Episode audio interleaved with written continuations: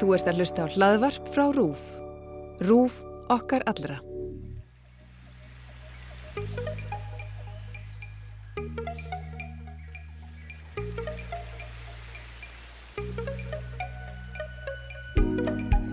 Þetta er X21, kostningarhlaðvarp RÚF. Nú eru fimm dagar til kostninga og ég heiti Holmfríður Dagni Fríðansdóttir. Og ég heiti Guðmundur Pálsson og uh, þú veist hvað ég segja að vika sér langur tími í pólitík. Eru fimm dagar langur tími í pólitík? Já, það er spurning. Það gæti farið að draga til tíðinda í þessari viku. Eh, við erum búin að byrta öll frambjöðanda viðtölun okkar en við ætlum samt að vera með ykkur á hverjum degi fram að kjördegi og kannski lengur, kemur ljós. Já, við tölum við nýja frambjöðandur flokkana. Eh, þeir eh, voru skemmtilegir við, við bara mælum með því að fólk kíkja það og hlusti á nýja frambjöðandur allara flokkana sem bjóða fram að þessu sinn og þeir eru margir. Það eru 11 flokkar sem bjóða fram þar að veru tíu í öllum kjördamum og einn sem er bara í, í Reykjavík kjördami norður. Mikið rétt. En í dag þá ætlum við að heyra í Ólafi Ragnari Grímsinni sem hefur komið víða við eins og vonandi hlustendur okkar vita. Já, það er mjög áhugavert viðtal sem við tókum við Ólaf Ragnar Grímsson hér áðan.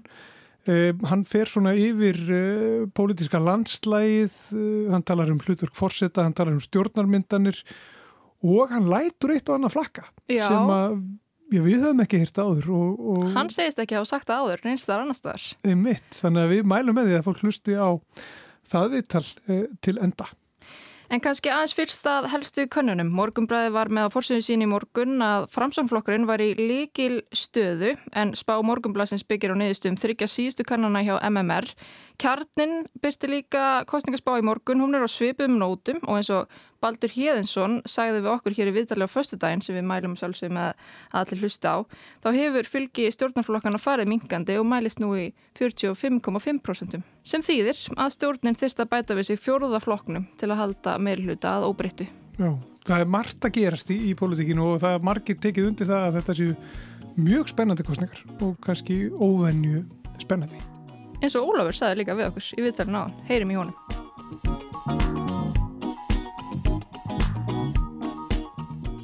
Þá sestur hjá okkur Ólafur Ragnar Grímsson, uh, já kannski sá Íslendingur sem hefur viðtakasta reynslu af uh, íslensku stjórnmálum, er ekki bara að segja það, þú er nú komið ansi víða við, þú verið professor í stjórnmálafræði, þú er stjórnað umræðu þáttum um stjórnmál uh, í, í útvarpi og sjónvarpi, þú verið formæri stjórnmálaflokki, þú verið ráþherra og fórsett Íslands.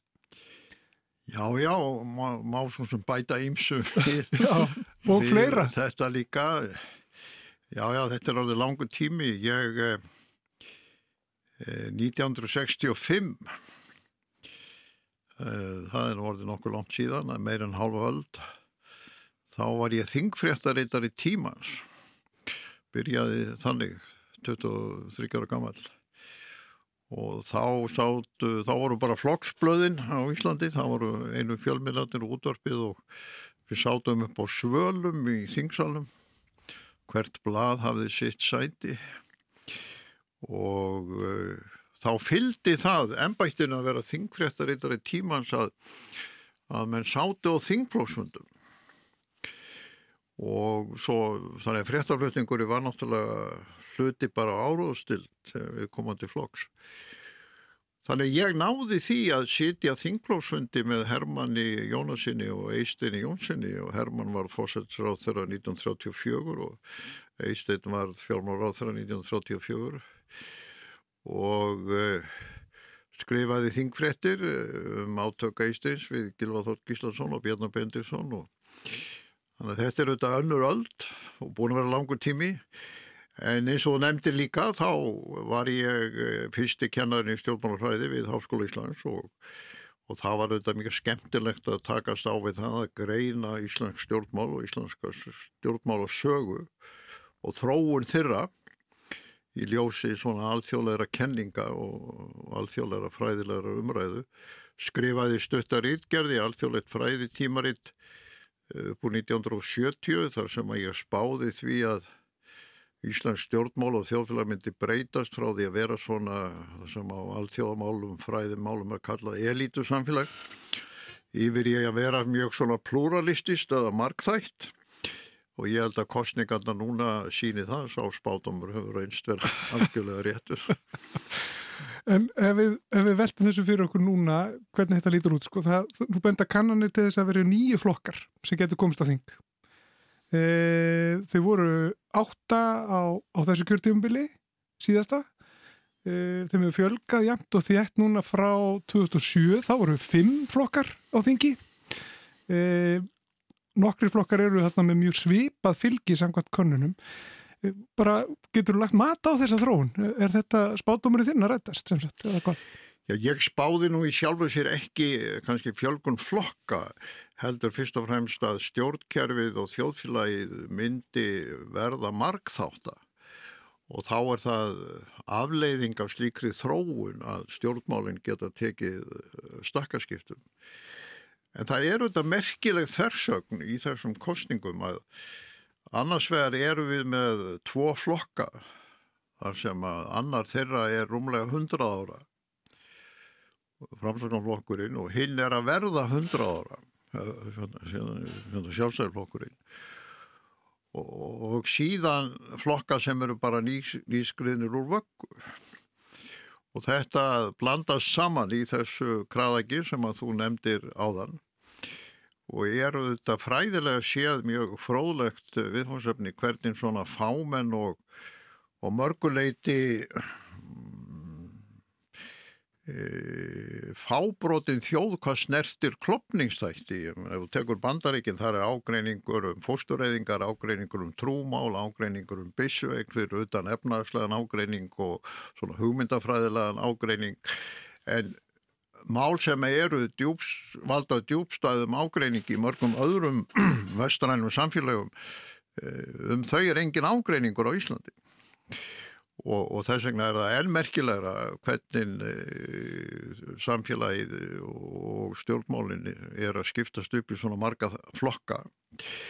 Á þessu tímabili sem þú vittnaði nú til í upphafið þegar ég var ungur maður og var að koma fram á vettvang stjórnmálana þá var stjórnmálakerfið bara frosið í fjórflokkin og margir töldu að hann myndi bara ekki að takkast. Fjórflokkurinn var heiti yfir sjálfstæðarflokkin, framsflokkin, allþýrbandala eða allþýrflokkin. Og ég skrifaði á mínum yngri árum sem uh, professor í stjórnmálfræði stutta út rítgerð þar sem að ég lísti stöðuleikanum í kostningum á þessum tíma fjórflokksins eftir kjörðamabreitinguna 1959 eh, næstu svona 15 árin þar á eftir og þar var bara sjálfstæðiflokkurinn fastur í kringum 40% eh, framsvöngarflokkurinn 26-28% alþjóðbandalagi 16-18% og alþjóðflokkurinn 12-14% og sveiblutnar per flokk per kjördæmi Eh, voru yfir 90% innan við 2%. Þannig gróðundarofnum gastu sagt að gerðist ekkert í kostningum. og viðreistastjórnir sem satt hér í 12 ár, hún bara sveiblaði svona með einu þingsæti til eða frá. Og þetta var eh, stöðuga kerfi. Vísu hafði þjóðvarnarflokkurinn komið fram þarna 1953, svo hvarf hann nú. Eh, Líðveldisflokkurinn hafði komið þarna fram líka en hann bauð nú held ég fram bara í einum kostningum.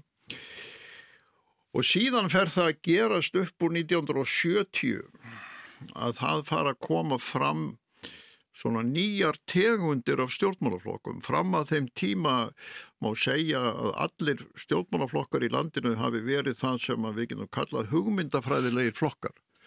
Sjálfstæðarflokkurinn byggði á hugmyndinu frjálsmarkaskerfi og svona klassíska hæri stefnu, hvað það snertir. Framsvöngaflokkurinn á samfunuhugsjóninni, eh, alltíðflokkurinn á hinn í sósíaldemokratísku stefnu og, og alltíðbandarlægið eh, með sósíalisma sem var svona senn alltíðlegur og lag, laðaður að íslensku mannstað. Óhá því hverjir fóringjarnir voru höfðu allir þessir flokkar mjög skýran hugmyndafræðilegan og stefnulegan profíl. Síðan upp úr 1970 fara að koma fram á sviðið nánast á hverjum áratug eh, ný tegunda flokkum sem við getum kallað fóringjaflokkar. Það voru flokkar sem voru bara myndaðir í kringum eina personu nánast, þó hefðu þetta stefnu að þá var tilkoma flokksins byggð á einhverjum einstökum fóringja. Samtök frjálsind og vísirmanna byggð á Hannibal Vandermannsinni, borgaraflokkurinn á Albert Gummisinni, bandala jafna manna á Vilmundi Gilvarsinni, eh, frjálsindi flokkurinn á Sveri Hermannsinni, eh, þjóðvaki á, á Jóhannu Sigurðardóttur og allir þessi flokkar voru óhugsandi án viðkomandi fóringja og þeir hörfu allir innan tíu ára.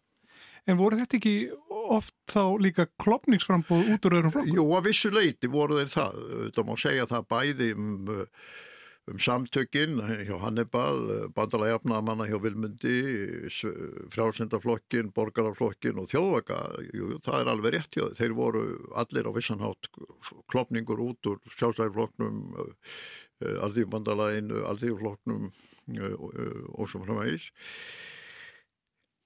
En þessi þróun hefur haldið áfram og við sjáum í, nú á þriðja áratug 2001. aldarinnar þessa blöndu annars vegar af hefðbundnum hugmyndafræðilegum flokkum og þessum hundrað ára gömlu flokkum og svo nýjum flokkum sem eru mjög bundnir við personur.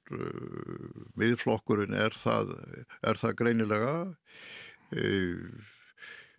Við getum líka sagt þó sósélistaflokkurinn sé með til svona ákveða klassíska sósélíska hugmyndafræði þá byggir hann greinilega á ákveðum einstaklingi sem að keirir þá baráttu áfram. Og, og við sjáum líka í kostningabaráttunni hvernig á loka sprettinum auglýsingar og kynningar flokkana verða æg háðar í personunum, það er í raun og veru keiri hérna bæinn, þá er bara verið að auglýsa upp einstaklingar á flettiskiltunum. Það var nánast óhugsandi fyrir 50-60 árum. Þá kusum en flokkana út á ákveðni stefnu, ákveðni hugmyndafræði, jú, auðvitað dáðusmenn að fóringjónum, Ólafi Tóksarmann, Jónasinni og Einar Olgisinni og svo framvegis. En það hefði einhverjum flokki dóttið í hug þá að keira kostningabaratuna á fóringjanum, formanninum nánast engungu eða persónu binda baratuna með þessum hætti. Við, og þetta er auðvitað afleiðing annars vegar af fjölumillabildingunni, upplýsingabildingunni og að stjórnmálinn hér eins og í öðrum löndum verða æg persónubundari. En einn skemmtilega þversögn í íslensku líðræði er að annars vegar eftir með þennan 100 ára stöðuleika í framsögnarflokknum og sjálfstæðflokknum sem bara halda áfram að hafa sinn sess og geta kannski orðið nummer eitt meðal þryggja fjóra efstu flokka í þessum, þessum kostningum og svo ertu hins vegar með nýsköpun og olgu sem að eiginlega enginn getur spáð fyrir um það ef ekki nokkur maður fyrir þremur eða fjórum árum geta dreyið upp nákvæmt kort af þeim nýju flokkum sem eru núna í frambóði það er að segja þessum sem hafa, þessum sem hafa bæst við. Og þetta eru þetta mjög merkilegt í ljósi þess langvarandi stöðuleika sem einkendi Íslands stjórnmál og Íslands þjóðfélag í ára tíu hér áður fyrr. Sumir af þessum flokkum sem nú, núna er í frambóði eru svona til að líkir. Finnst þér að þeir ætti að vera meira í samstarfi í kostningabaráttinu og jæfnvel mynda blokkir eins og við það í nákvæmlega landanu? Já, þessi blokkahugsun sem er náttúrulega stráðandi til dæmis í Noregi og Danmarku, hún hefur aldrei fest rætur uh, á Íslandi og uh, hefur eiginlega nánast lítið verið til umræðu. Og þess vegna held ég að það hafi ekkit upp á sig að vera að tala um það, einfallega það er ekki farvegur sem Íslands stjórnmál hafa fallið í. Það er líka, held ég, mjög erfitt að segja flokkum að þeir eru að vinna með einhverjum öðrum vegna sem þeir hafa ákveðið að, að, að skipa sér á sérstakann bás, hvað þetta snertir. En það sem gerist hins vegar, þegar svona margir litlir flokkar koma og fara að taka kannski 30%, 40% samtals af fylginu í, í landinu, er að slíkir flokkar verða aldrei fjöldarhefingar. Það má þetta margt segja um fjólflokkin sem var mjög gaggrindur hér áður fyrir og var nú nánast orðið skammarið um tíma að tala um fjólflokkin, það er að segja framsöknarflokkin, sjálfstyrflokkin, alltíðbandali, alltíðflokkin. En líðræðislega þá voru allir þessir flokkar fjöldaflokkar. Þeir voru allir byggðir upp af flokksmönnum, þúsundum saman, sem skipuðu sér í flokksfélög, vitt og breytt um landið heldu nánast árlega fulltrúafundi sem voru mjög fjölmennar samkomur og fyrir kostningar til dæmis fylltu laugatasöldina og fylltu háskólabíó sem ég minna eru kostningar 67 þegar alltíðbandalagið var með fjögur þúsund manna fundi í laugatasöldinni Eh, var það þó þriðji stæsti flokkurinn í landinu eða næst minnsti flokkurinn eftir því hvernig, hvernig hún vildi flokka það. En við það að fá svona marga litla flokka þá líður líðræðið fyrir það að þeir geta aldrei orðið fjöldaflokkar í þeim skilningi sem líðræðisbyltingin í Evrópu og bandaríkjónum fyrir 100-200 árum fól í sér. Það er að segja að valdið færðist frá frá, frá konungnum eh, og fámennum hópi auðmanna, aðalega kallmanna, yfir til fjöldans. Og svo smátt og smátt eh, breykaði kostningarétturinn, konu fengur kostningarétt, eh, fátæk alltíða fekk, fekk kostningarétt og upp úr svona öðrum og þriðja áratug síðustu aldar engendu stjórnmál í Evrópu og bandaríkjónum af, af flokkum sem voru í orðsins fylstu merkingu fjöldaflokkar. En þó sé kannski hættulegt að nota það orð að þá er hætta á því að svona litli flokkar verði klíkuflokkar. Það er að segja að það verði bara fámannur hópur manna sem sé virkur í flokknum og stjórnunum, kannski 20 manns, kannski 40 manns, kannski 50 manns, en alls ekki 1000 manns eða, eða 2000 manns og ég held að þversögnin sem Íslandingar glými við ef við viljum áfram vera líðræðistjóð sem ég reikna með að við viljum vera og kostningarnar eru hortstöyt þess líðræðis hvernig ætlum við að tryggja það að þegar flokkum fjölgar svona mikið og þeir verða tildulega smáir að þeir verði þá í orðsins fylgstu merkingu flokkar fólksins í raun og sann, ekki bara í orði heldur í því hvernig þeir starfa, hvernig þeir velja frambjóndu, hvernig þeir móta stefnuna og svo framvegist. En verði ekki bara einhver stimpil, einhvað vörumerki á tiltöla fámennan hóp, vina og kunningja eða lagsfélaga sem ákveða að koma saman og bjóða fram en hafa í raun og veru ekki virk tengsl frá degi til dags eh, á kjörtímabilinu við nema kannski 50, 100, 200, 300 manns. Er þetta slæm þróun? Já, hún er það út frá klassiski líðræðiskenningu er hún tvímanlust slæm þróun vegna þess að kjarnin í líðræðisbyltingu Evrópu og Vesturlanda var að valdið færðist frá fámennri, auðugri, yfirstjært og konginum yfir til fjöldans og fjöldin fjekk líðræðislega rétt til að velja sér fulltrúa og ákvað svo að skipa sér í flokka, fjöldaflokka, massparti sem svo heitir á ennsku og ef að kannski helmingur flokkana verða litlir og, og, og einkennast af svona fámenni stjórnmálum hvað snertir stýringu þeirra En þú getur kannski velti fyrir þér að mótvægið líðræðislega í þessari hættu sem ég tel að sé tvímalust fólkin í því að það séu margir smáir flokkar sem ekki byggjast á fjöldaþáttöku. Að líðræðislegt mótvægi kann kannski að félast í því að núna eru samfélagsmiðlanir mjög öflugt aðhald. Þannig að þó að sé fámennur hópur sem að stendur á bakvið vörumerkið flokkur X, flokkur Y, flokkur, flokkur Z að þá fá þeir aðhald frá eh, samfélagsmiðlunum. Af því að nú eru við með eh, þannig tækni bara í símanum hjá okkur að, að við getum hvert og eitt okkar orðið, orðið fjölmiðl og þetta hefur eiginlega ekki verið rannsakað í raun og veru hvort að að samfélagsmiðlarnir uh, skapi þetta líðræðislega aðhald og þetta líðræðislega jafnvægi þegar svo margir flokkana verða svona fámennisflokkar. En nú hafa margir ymmit ágjur af því að samfélagsmiðlarnir geti, já, skekt myndina svolítið. Sé hægt að hafa, það sé svolítið svona hægt að spila með fólk á, á samfélagsmiðlum og, og, og beita áróðri sem kannski kem ekki fram annars. Já, já, þetta er auðvitað skiljanlegt viðþorf en um, forsenda þeirrar álíktunar er eiginlega að stjórnmál fyrir tíðar hafi verið tímabil sakleysi síns og það var það nú ekki, ekki fullvísaði um það. Það var ekki tímabil sakleysi síns og menn beittu ymsum bröðum og, og skektu mynduna og glemdu því ekki að þegar ég verð þingfrættarindar í 1965 þá eru bara flokksblöð í landinu og hverju mótni gastu fengið útgáfi sjálfstæðiflokksins af veruleikanum, útgáfi framsöklarflokksins af veruleikanum, útgáfi alþýrflokksins af veruleikanum og útgáfi alþýrbandalins af veruleikanum. Og útvarpið passaði sig á því að koma hverki nærri eh, helstu, helstu þjóðmálum eh, vegna þess að eh, það var hluti að jafnvæginu að það var í stikkfri og flokkarnir ríði umræðinni og, og reittstjórnin sátt á alþingi.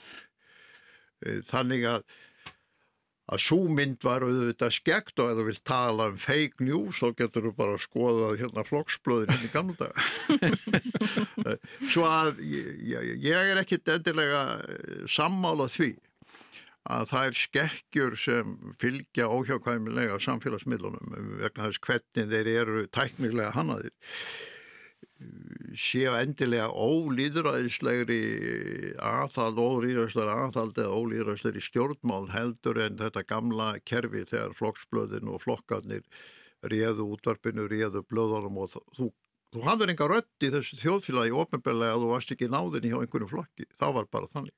Mm -hmm. það var bara þannig. Einhver einstaklingur sem ekki var í náðin hjá einhverju flokki hangat hvergi látur rött sína heyrast, bara hvergi í bókstælinn merkingu Jú, hann gæti farið út á torg og rópað eitthvað út í vindin en hann gæti hverki gegnur neitt miður látið rödd sína heyra. Núna get ég lappað hérna út og sendt út tvít og, og hérna það fyrir um allt. Mm -hmm. En með við skoðanakannanir núna, eh, eru við þá að sjá fram á langar og floknar stjórnarmyndarinnar viðræður eftir kostningar? Það er náttúrulega önnur ellar sko, í sjálf og sér sko, stjórnarmyndunar viðræðunar og og eiginlega ekki nokkur leið að, að, að spá um það. Og, og ef þú skoðar þróunina á 20. öld að þá þá hafa vorið mikla breytingar á því hvernig stjórnarmyndanir fara fram. Og, og í raun og verum að segja að þær breytingar snúist um tvo ása. Annars vegar er spurningin uh, að hver miklu leiti ræður fórsetin för og hefur áhrif á atbörðarásina og svo heinsvegar afhverjum miklu leiti taka fóringjar flokkana með skosti nokkur að flokka bara málinn í sínar hendur og, og ráða atbyrðarásinni. Og þetta hefur verið svona upp og ofan og ef maður skoðar það í sögulegu samhengi og ég skrifaði nú rítgeð líka sem fræðimaður um og kabla í erlend fræðrít um myndur samstæpustjórn á Íslandi sem hefur að öðru leiti ekki mjög mikið verið rannsakað fræðilega.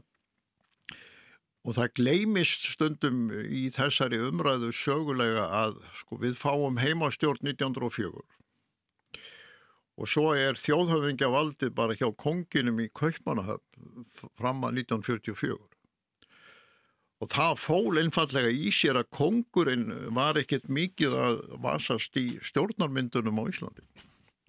Það var bara náttúrulega tæknilega ekki hægt. Það var vísast að senda skeiti á milli en, en þú ringdir ekki kongin eða hann ringdi ekki og hann skrapp ekki til Íslands til að ræða við flokksfóringja. Og, og þessi staða náði, náði náttúrulega hámarki absúltitetsins eh, þegar eh, á heimastjórnatímanum var svona stjórnarkreppa í landinu og kongurinn hafði beðið fósetta samlega þings og fósetta neðri dildar og fósta efri dildar sem þá voru að reyna að fá þingi til að samennast á bakvið ráð þeirra og þeir sendu svo konginum skeiti þrýr e, þar sem þeir sögðu kongjunum að þeir væri búin að ná niður stöðu og þeir skrifuðu undir í stafróströð þannig að Einar Arnórsson var efstur undir skeitinu en kongurinn skildi skeiti þannig að hínir tveir væri að tilnefna Einar Arnórsson sem, hérna, sem ráðara og út á það var þann ráðara skemmtilega miskilning og síðan fjölgar í, í ráþurum en enga síður þá verður að hafa það í huga að ríkistjórnar myndunar ferlið á Íslandi mótaðist í tæmlega halva öld af því að flokksfóringjarnir höfðu þetta alfarið í sinni hendi. Höfðu þetta alfarið í sinni hendi. Kongurinn í raun og veru þótt að forminu til og nætti að hafa einhver hlutverk hafði það ekki. Og þegar Sveit Björnsson verður svo fósiti og reyndar áður líka þegar hann varð, varð ríkistjóri að þá sérmaður og nokkur reyti í tíð áskils áskilsson og líka að þeir eru svona daldið að brjótast um til þess að, að finna fórsetanum eh, ákveðin grundvöld í þessari atbyrðarás til þess að hann geti gert sig gildandi. Og svo viðleitni leiti svo til þess að í fyrstu umferð var hluti þingmanna og fóresta sjálfstæðarflokkin svo reið út í Svein Björnsson að þeir kusan ekki á þingvallum til fórseta og framsóknarflokkurinn var svo reyður út í Ásker Áskilsson fyrir hlut hans í að mynda viðrýstnastjóðin á sínu tíma og minni hlut að sjálf danþýrflokksins Þannig að tveir stæstu flokkar þjóðarinnar á fyrstu, fyrsta áratug líðveldisins voru nánast í beinum fjandskap við aðgerðir fórsetans og töldu afar mikilvægt að hafa atbyrðar á sinna þannig að, að fórsetin kemur þar helst hvergi nærri. Svo aftur á móti kom annað tímabil eh, í tíð Kristján Seldjáls eh, þar sem að eh, átökinn millir flokkana og, og fjandskapur í millir þeirra var slíkur að, að það var erfitt fyrir þá að tala saman svona eigin frumkvæði og þá fekk fósitinn svona reglubundnara hlutverki þessari atbyrðar ás. En Kristján Kausað hagaði þá þannig að að veita umbóðið eins og er kallað í, í starðaröð.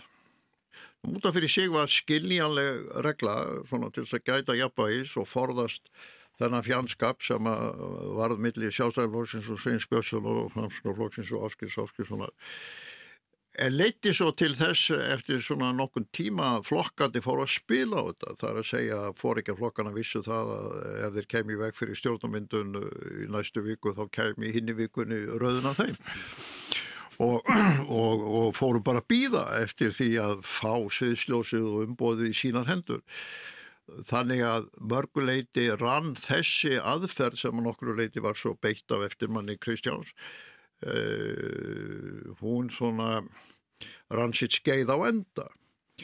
Og, og þegar svo Davíð Oddsson myndar sínar tværi ríkistjórnir á sín tíma þá gerir hann það í raun og veru án þess að fá neitt venjubundið umboð frá hostan gera bara út í bæ og, og nánast í leini fyrst með því að semja við Jón Baldvin Forman Alþjóðflokksins eh, þótt að vinstistjórnin sem Jón satt í hefði haldið meiruluta sínum. Og Jón væri líka að tala við aðra á sama tíma. Að þá voru þeir enga síður út í bæ að semja um það að mynda nýja, nýja ríkstjórn og hafðu kannski meira samband við þávarandi rítstjóra morgunblansins styrmi heitin eh, heldur um Fost Íslands og síðan eftir kostningatar 1995 að þá setti Davíð í ganga því að stjórnin held meiri hluta við, viðræði við alltíflokkin og, og fórst alltíflokkin var mjög glöðið við því. Og uh, Jón Baldvin fór að taka á móti kynverska auðarksráþiranum við mikinn fagnuð og einstakir áþirar voru settir í undinendir en á meðan kerði Davíð í sumabústa á Suðurlandi og myndaði ríkisjótt með haldar áskrifninni og kom svo í bæin og sagði öllum frá og með rákum bara stór augu bæði aðri þeirra og fórsettir líföldsins. Þannig að þetta getur auðvitað verið með ímsu móti.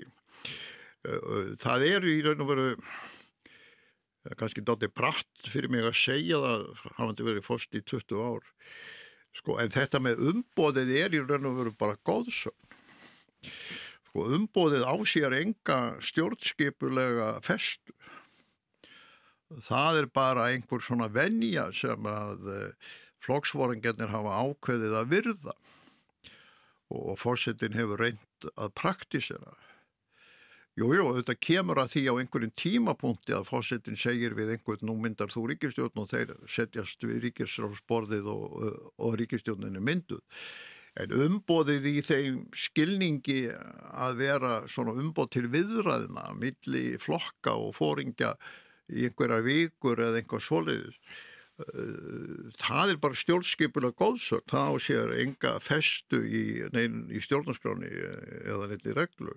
En þessi dæmi sín endi með Davíð sínir það að hann drap bara þá venjur í, svona í praxís með því að mynda tvær ríkistjóðir án þess að nokkuð slíkt kæmi til greina.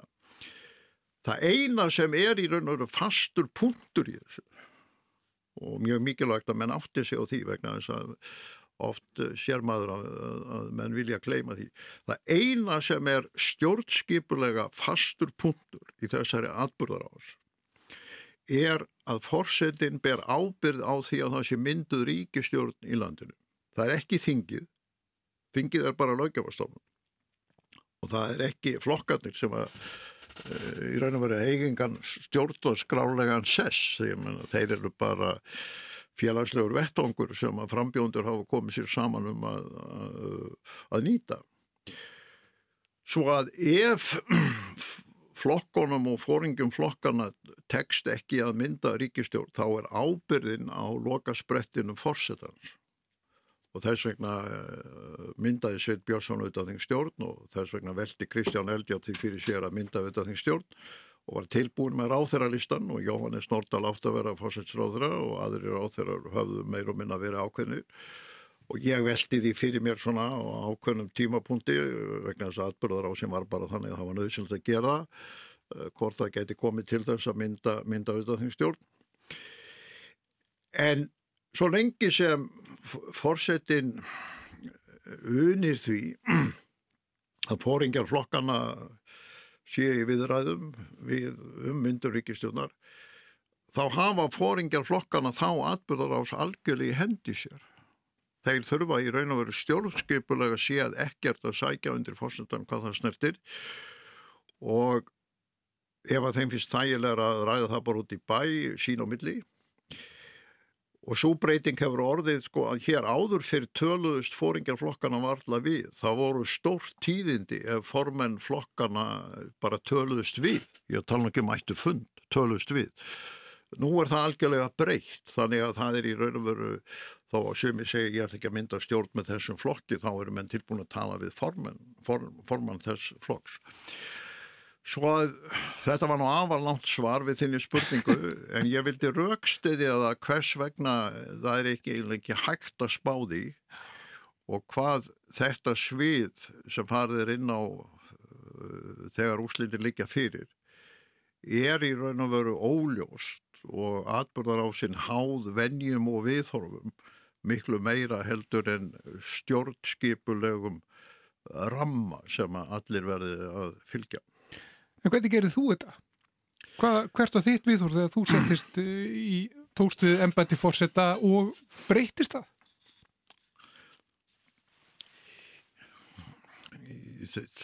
Það er eins með þessa spurningu, það er, það er flókið að svara því vegna þess að sko, þetta er ekki þannig að fórsetting geti setið og, og sagt nú ætla ekki að hafa þetta svona. Jújú, jú, það geta verið einhverja hugmyndir uppi og fórsning getur verið sjálfur sér verið með það sjálfur.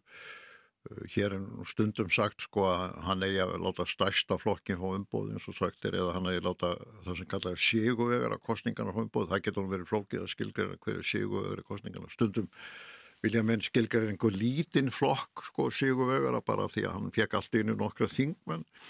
En það er kannski ekki mjög vanlegt að láta hann mynda, mynda að sko, eina markmið fósettans í þessar atbyrðarás er að tryggja líðvöldinu ríkistjón Hann getur ekki haft einhver annað markmið eins og einhverja stærðaröð stjórnmálaflokkana eða einhverja svona virðingaröð flokkana eftir ára útkomi í kostningum. Það eru bara einhverja leikfléttur. Eina markmiðið sem fósittin getur haft er að tryggja líðveldinu ríkistjórn. Það getur ekki verið markmið fósundans að flokkarnir eigi að mæta á bestastöðum einhverju stærðararöð eða eftir einhverju útkomi í, í, í kostningunum. Vegna þess að það er mál sem að snertir fósundan uh, á enganhátt. Uh, og þegar ég tók við ennbættinu þá ríkti stöðuleiki varðandi ríkistjórnuna. Sjálfstæðarflokkun og framsvöldaflokkurinn hafði verið saman í ríkistjórn og voruð áfram í mörg ár og þegar Davíð hætti lág fyrir að Haldur myndi taka við og þegar Haldur hætti lág fyrir að formar sjálfstæðarflokksins Geir Horte mynd, myndi taka við. Síðan þetta varða atbyrðar á sinn við hrunið með þeim hætti að hér uh, var allt á reyði skjálfi og atbyrðar á sinn eins og við munum þannig að við vissum ekki að kvöldi hvort að hvernig þjóðfélagi myndi verða að morgni. Þá voru mótmæli fyrir fram á Alþingishúsi, stjórnarhúsi, Sælabankan, þá loguðu eldar í mið, miðborg Reykjavíkur og þá var smátt og smátt nokkuð ljóst að að líkur voru vaksandi á því að ríkistjórn sjálfstæðarflokksins og samfélkingarnar myndi ekki endast.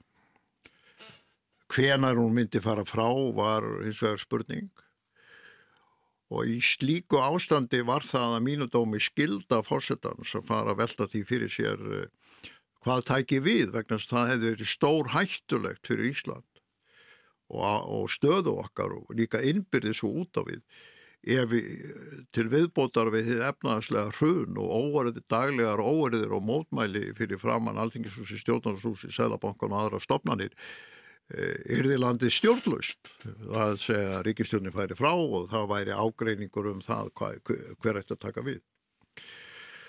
Svo að ég taldi það skildu fórsetans að, að haga þannig viðræðum og, og, og minni eigin hugsun og íhugun að ef það gerðist skildilega að ríkistjórnin flosnaði upp sem gerðist að bara allt í einu síðdeis og fundi Ingi Bergarsson og Geir Horte þá væri fórsetin búin að hugsa sig gegnum það og vinna ákveðna grunnvinnu þannig að að það myndi ekki taka langan tíma að mynda ríkistjón. En auðvitað hafði ég enga tryggingu fyrir því hvort að svo stjórn myndi þá kannski njóta meiri hluta nema í þessari atbyrðar ás allri kom nýkjörin formaður framsöknarflokksins og tilkynnti fórsendarnum það að hann væri tilbúin að verja ríkistjórn samfélkingar og vinstur gætna vantrösti og ég spurði að því er það af því að hann satt ekki þingfloknum þá er það viljið þingflokksins? Og hann svaraði játandi og á þeim grundvelli fengu Yngibjörg Solrún og Stengrami Jósefusson saman umbóði það hafði aldrei gert áður. Fengu saman umbóði svo liður nokkru dagar og viðræðinar fóru einhvað snúast um ímislegt og nýji formaða framsöknarflokksins fóru að reyna að gera sig gildandi varandi í stefnumálinn Þannig að þetta var að liðast í sundur þannig að ég ringdi í hann og, og sagði við hann þú komst hér til besta og tilkynnti mér það að framsöklarflokkurinn væri tilbúin að verja stjórnin af antrösti. Í slíkri yfirlýsingu felast engin málarnarleg skilir því og ef að þú og framsöklarflokkurinn er núna búin að breyta um skoðun þá þarf þetta að segja mér það vegna þess að ég létt Ingi Björg og Solrún og Stengrim Jóð fá umbóði í krafti þeirra yfirlýsingar. Og hann fullvisaði mig í því samtali að nei, nei, það er stæðið að þá hvað sem hann segði ofnböla og síðan endaði þetta uh, með því eins og allir vita Jóhanna Sigurðardóttir var fórsætsráð þeirra en Jóhanna hafði ekki hugmynd um það sko nokkru dögum áður en stjórnin var mynduð og hún ætti að vera fórsætsráð þeirra og hún fekk aldrei umbóði til þess að mynda ríkistjóð þann í venjulegum skilningi það voru aðrir sem mynduð þá ríkistjóð heldur Jóhanna Sigurðardóttir þó hún yrði á endanum fórsætsráðara Og svo var það nú reyndar þannig, fyrst ég er annar ból fann að segja frá þessu, að kvöldi fyrir ríkisárfundin, þá var ég í háttíðar kvöldverði læjónsreifingarna. Og þá sagt, kvöldið áður og klukka tíu næsta morgun átt að vera sem ríkisum Jóhann átt að taka við. Og ég sitt hann að vera að borða deserinn ég hátti að kvöldverðinu og hann kemur þjótt svona til mín og segir að sé síminn fram í eldúsi til mín. Og ég segi já ég er nú hérna í háborði hérna í hátti að kvöldverðinu ég vil ekki bara taka skilabóð og svo kemur hann eftir smástund aftur og segir að því miður það er ekki hægt að uh, Jóhanna Sigurdóttir er, er í síman svo ég fór fram í eldhús og tók síman og þá er það Jóhanna alveg á út, útopnuðu og, og tilgef mér það að hún mun ekkert mæta á bestastöðu næsta morgun. Og ég segi hvað, ég menn þetta er þín ríkstjórn þú átt að verða fórsættistöð það er ekki hægt að halda ríkistjórnsfundin ef þú mætir ekki og þá hafði hún átt einhverja fundi með Sigmundi Davíð og verið algjörlega pyrraður á, einhverju skilurðum sem Sigmundi Davíð hafði sett. Þannig hún tilkynnti mér það bara hún myndi ekki mæta næsta morgun. Svo þegar ég var búin að borða deserinn og hverði ég að geskjafa þá fór ég út í bílinn og ringdi á svo skarpiðin svona og segði, klukkan var þá rúmlega 11 og sagði nú hefur þú bara eitt verkefni og það er að tryggja það að fósittin hafi fósittisráð þegar á þessum ríkisórsundi sem verður í fyrramann klukkan 10 og þá áttu þau einhvern fund á miðnætti Stengrimur, Örsur, Jóhanna og Sigmundur Davíð.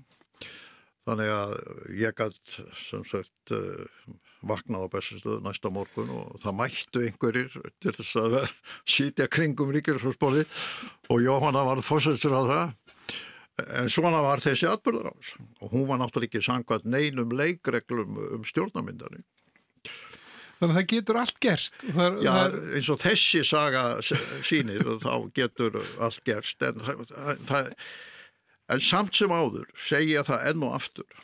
Jújú, jú, það getur allt gerst en þegar öll eru botnin kvóld þá bera flokksfóringandir ekki ábyrð á því að það sé ríkistjórn í landinu. Það er fórsett í lífeyðlising sem stjórnskipulega ber ábyrð á því mm -hmm. og ef að flokksfóringjónum tekst ekki að mynda ríkistjórn þá verður fórsetin að myndana þingi getur feltana uh, eh, nokkrum dögum síðar en það breytir því ekki að þá ber fórsetanum skilda til þess að mynda, mynda ríkistjórn og því leiti verður atbyrðar á sinni kjölfar þingkostninga enn og aftur einhvers konar samspil þar sem að annars vegar eru flokksfóringjarnir eh, með sínar viðræður og sinnvilja og sem getur verið allt frá því að Davíð Oddsson ákveður bara út í bæ á leini fundum að mynda ríkistjórn og tilkynni fórsetunum og öðrum það og eftir að hans er búin að því.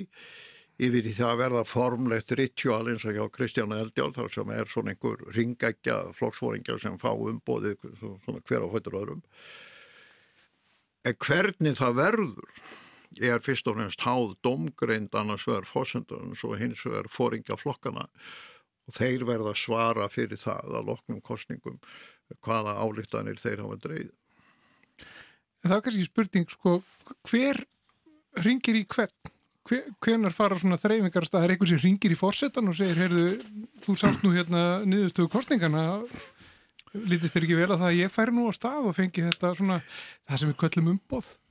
Já, þar erum við aftur komin að því að, að stjórnskipunin er mynduð annars vegar af formlegum reglum og svo af, af, af venjum sem hafa fest í sessi og mér finnst stundum skorta í allar þessari umræðum nýja stjórnarskrá.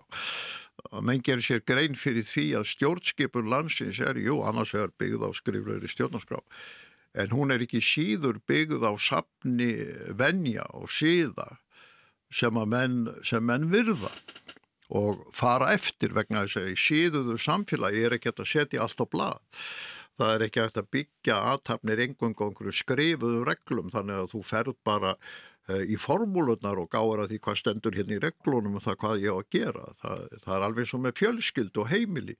Farsælt heimilisald byggist ekki sí, fyrst og fremst á vennjum og síðum sem allir virða en ekki endilega einhverjum, einhverjum skrifleiri reglugjari sem hangir upp í eldhúsinu um það hvað, hvað mann er að gera og það er alveg eins með stjórn á, á landi Og vennjurnar eru auðvitað þær að ef að ríkistjótin hefur ekki meiri hluta eftir kostningar þá er vennjan svo að fórsættisráð þegar hann fari til bestast á að byggja slausnar af því að hann hafi ekki. En það er ekki stjórnskipulega sem knýran til að gera það. Þannig ef að fósættisráð þegar hann bara ákveður, ég ætla bara að býða, ég ætla bara að býða. Jújú, jú, stjórnun hefur ekki lengur meirluta, ég ætla að taka mér nokkra daga til að vita hvort ég get ekki kýtt einhverjum flokki svona inn í stjórnuna, þannig að eftir viku haf, haf ég meirluta. Þá þarf hann ekkert að fara til fóstans. Og fóstin getur þá í raun og verið ekkert gert, jú, hann getur ringt út um allan bæ og sagt for, formuruflokkana þegar ég bókaðan tím og bestu. En, en það er engin kníjandi nöðsin fyrir þá uh, að mæta.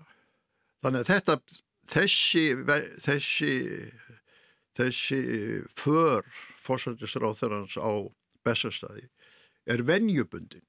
Það er ekkert í stjórnarskráni sem kemur í vekk fyrir það að, að fósættisráð þeirra ríkistjórnar sem hefur mist meir og þetta takir sér bara heilan mánuð í að vita hvort að það getur ekki bætt einhverjum flokki við stjórnina ef þingið hefur ekki verið kallað saman eh, þegar þingið hefur verið kallað saman þá er náttúrulega þetta að bera fram vantröst og þá likur það fyrir verið það samþygt þarf stjórnin að fara uh, frá En til dæmis þegar eh, Geir Horde tilkynnti það í fjölmiðlum eh, eftir fundsinn með Ingeborg og Solrúnu að, að ríkistjóðin væri farin frá eða sem væri hægt, þá var það nú ekkit efst í hans hug að fara til bestastað og segja fósittanum það. Þannig að ég ringdi í hann og sagði, ég heyrið þig segja það í fjölmiðlum að, að ríkistjóðin uh, sé ekki lengur starfandi, sé hægt. Það er ekki rétt að koma til besta og segja fórstunum það. Sem hann gerði og, og, og virti alveg þessa, hérna, þessa venju.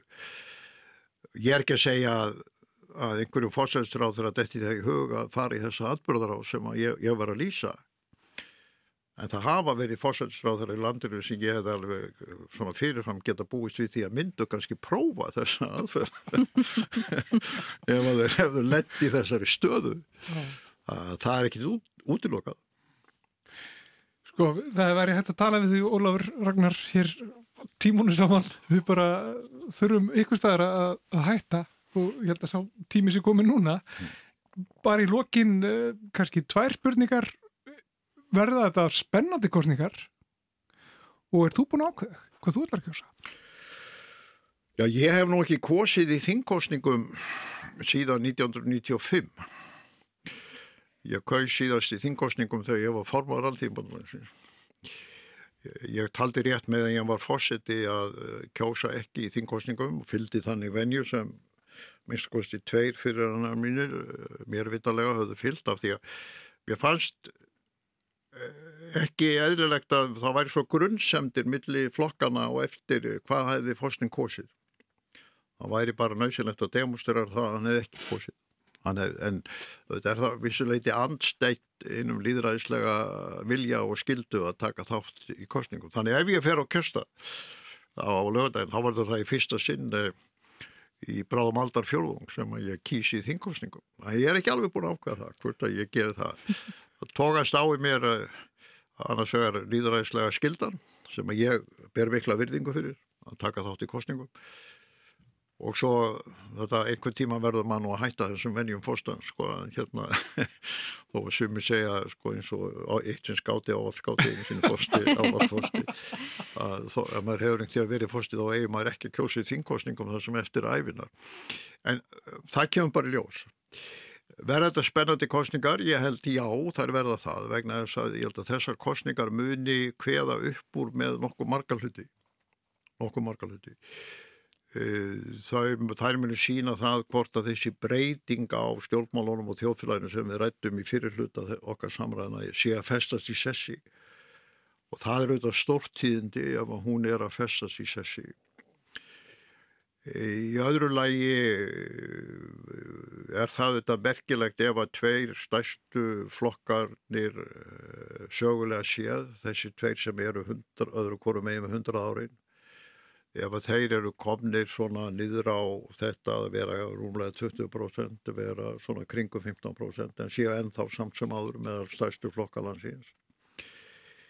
Í þriðja lagi er það þetta ákveðin tíðindi ef að vinstri hlið íslenska stjórnmála fyrir að tegjast inn á nýja lendur sem bæði sósélstaflokkurinn og nokkur leiti flokkur flóksins gerir til vin, vinstri við vinstri græn vegna þess að í meirinn halva öld var það held ég forsenda allra hvort sem þeim voru til vinstri eða ekki að fyrsta alltíðbandalagið og svo vinstri græn skilgreindu endastöð vinstri sinns í, uh, í íslenskum stjórnmálum Og svo að lokum eh, verður það auðvitað sögulegt ef í fyrsta skipti í sögulíðvildi síns verður hvorki hægt að mynda tveggja eða þryggja flokka ríkistjórn eh, að loknum, að loknum kostningum. Þannig að í svona fræðilegu samhingi eru þetta alls saman mjög merkilegir þættir sem eh, kostningarnar geta, geta haft í förma sér. Þannig að þetta verður spennandi. Já, ekki síst, ekki síst fyrir fræðimenn. Ef ég væri núna ungur stjórnmálafræðikennari við Háskóla Íslands þá myndi ég bara fagna þessu ráefni sem ég væri að fá í hendur. Við ætlum að láta þessi lokið. Ólaður Ragnar Grímsson Kæra þakki fyrir komuna til okkar. Mjög gaman að tala við þig og kannski næri einhver myndaður á kjörstað á lögadaginn Sjáum til. Kemur í ljós, Kemur í ljós. Takk fyrir komuna. Takk fyrir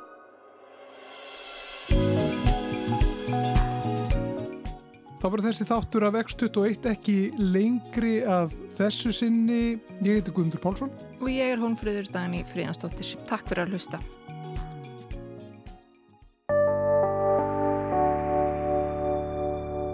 Rúf okkar allra.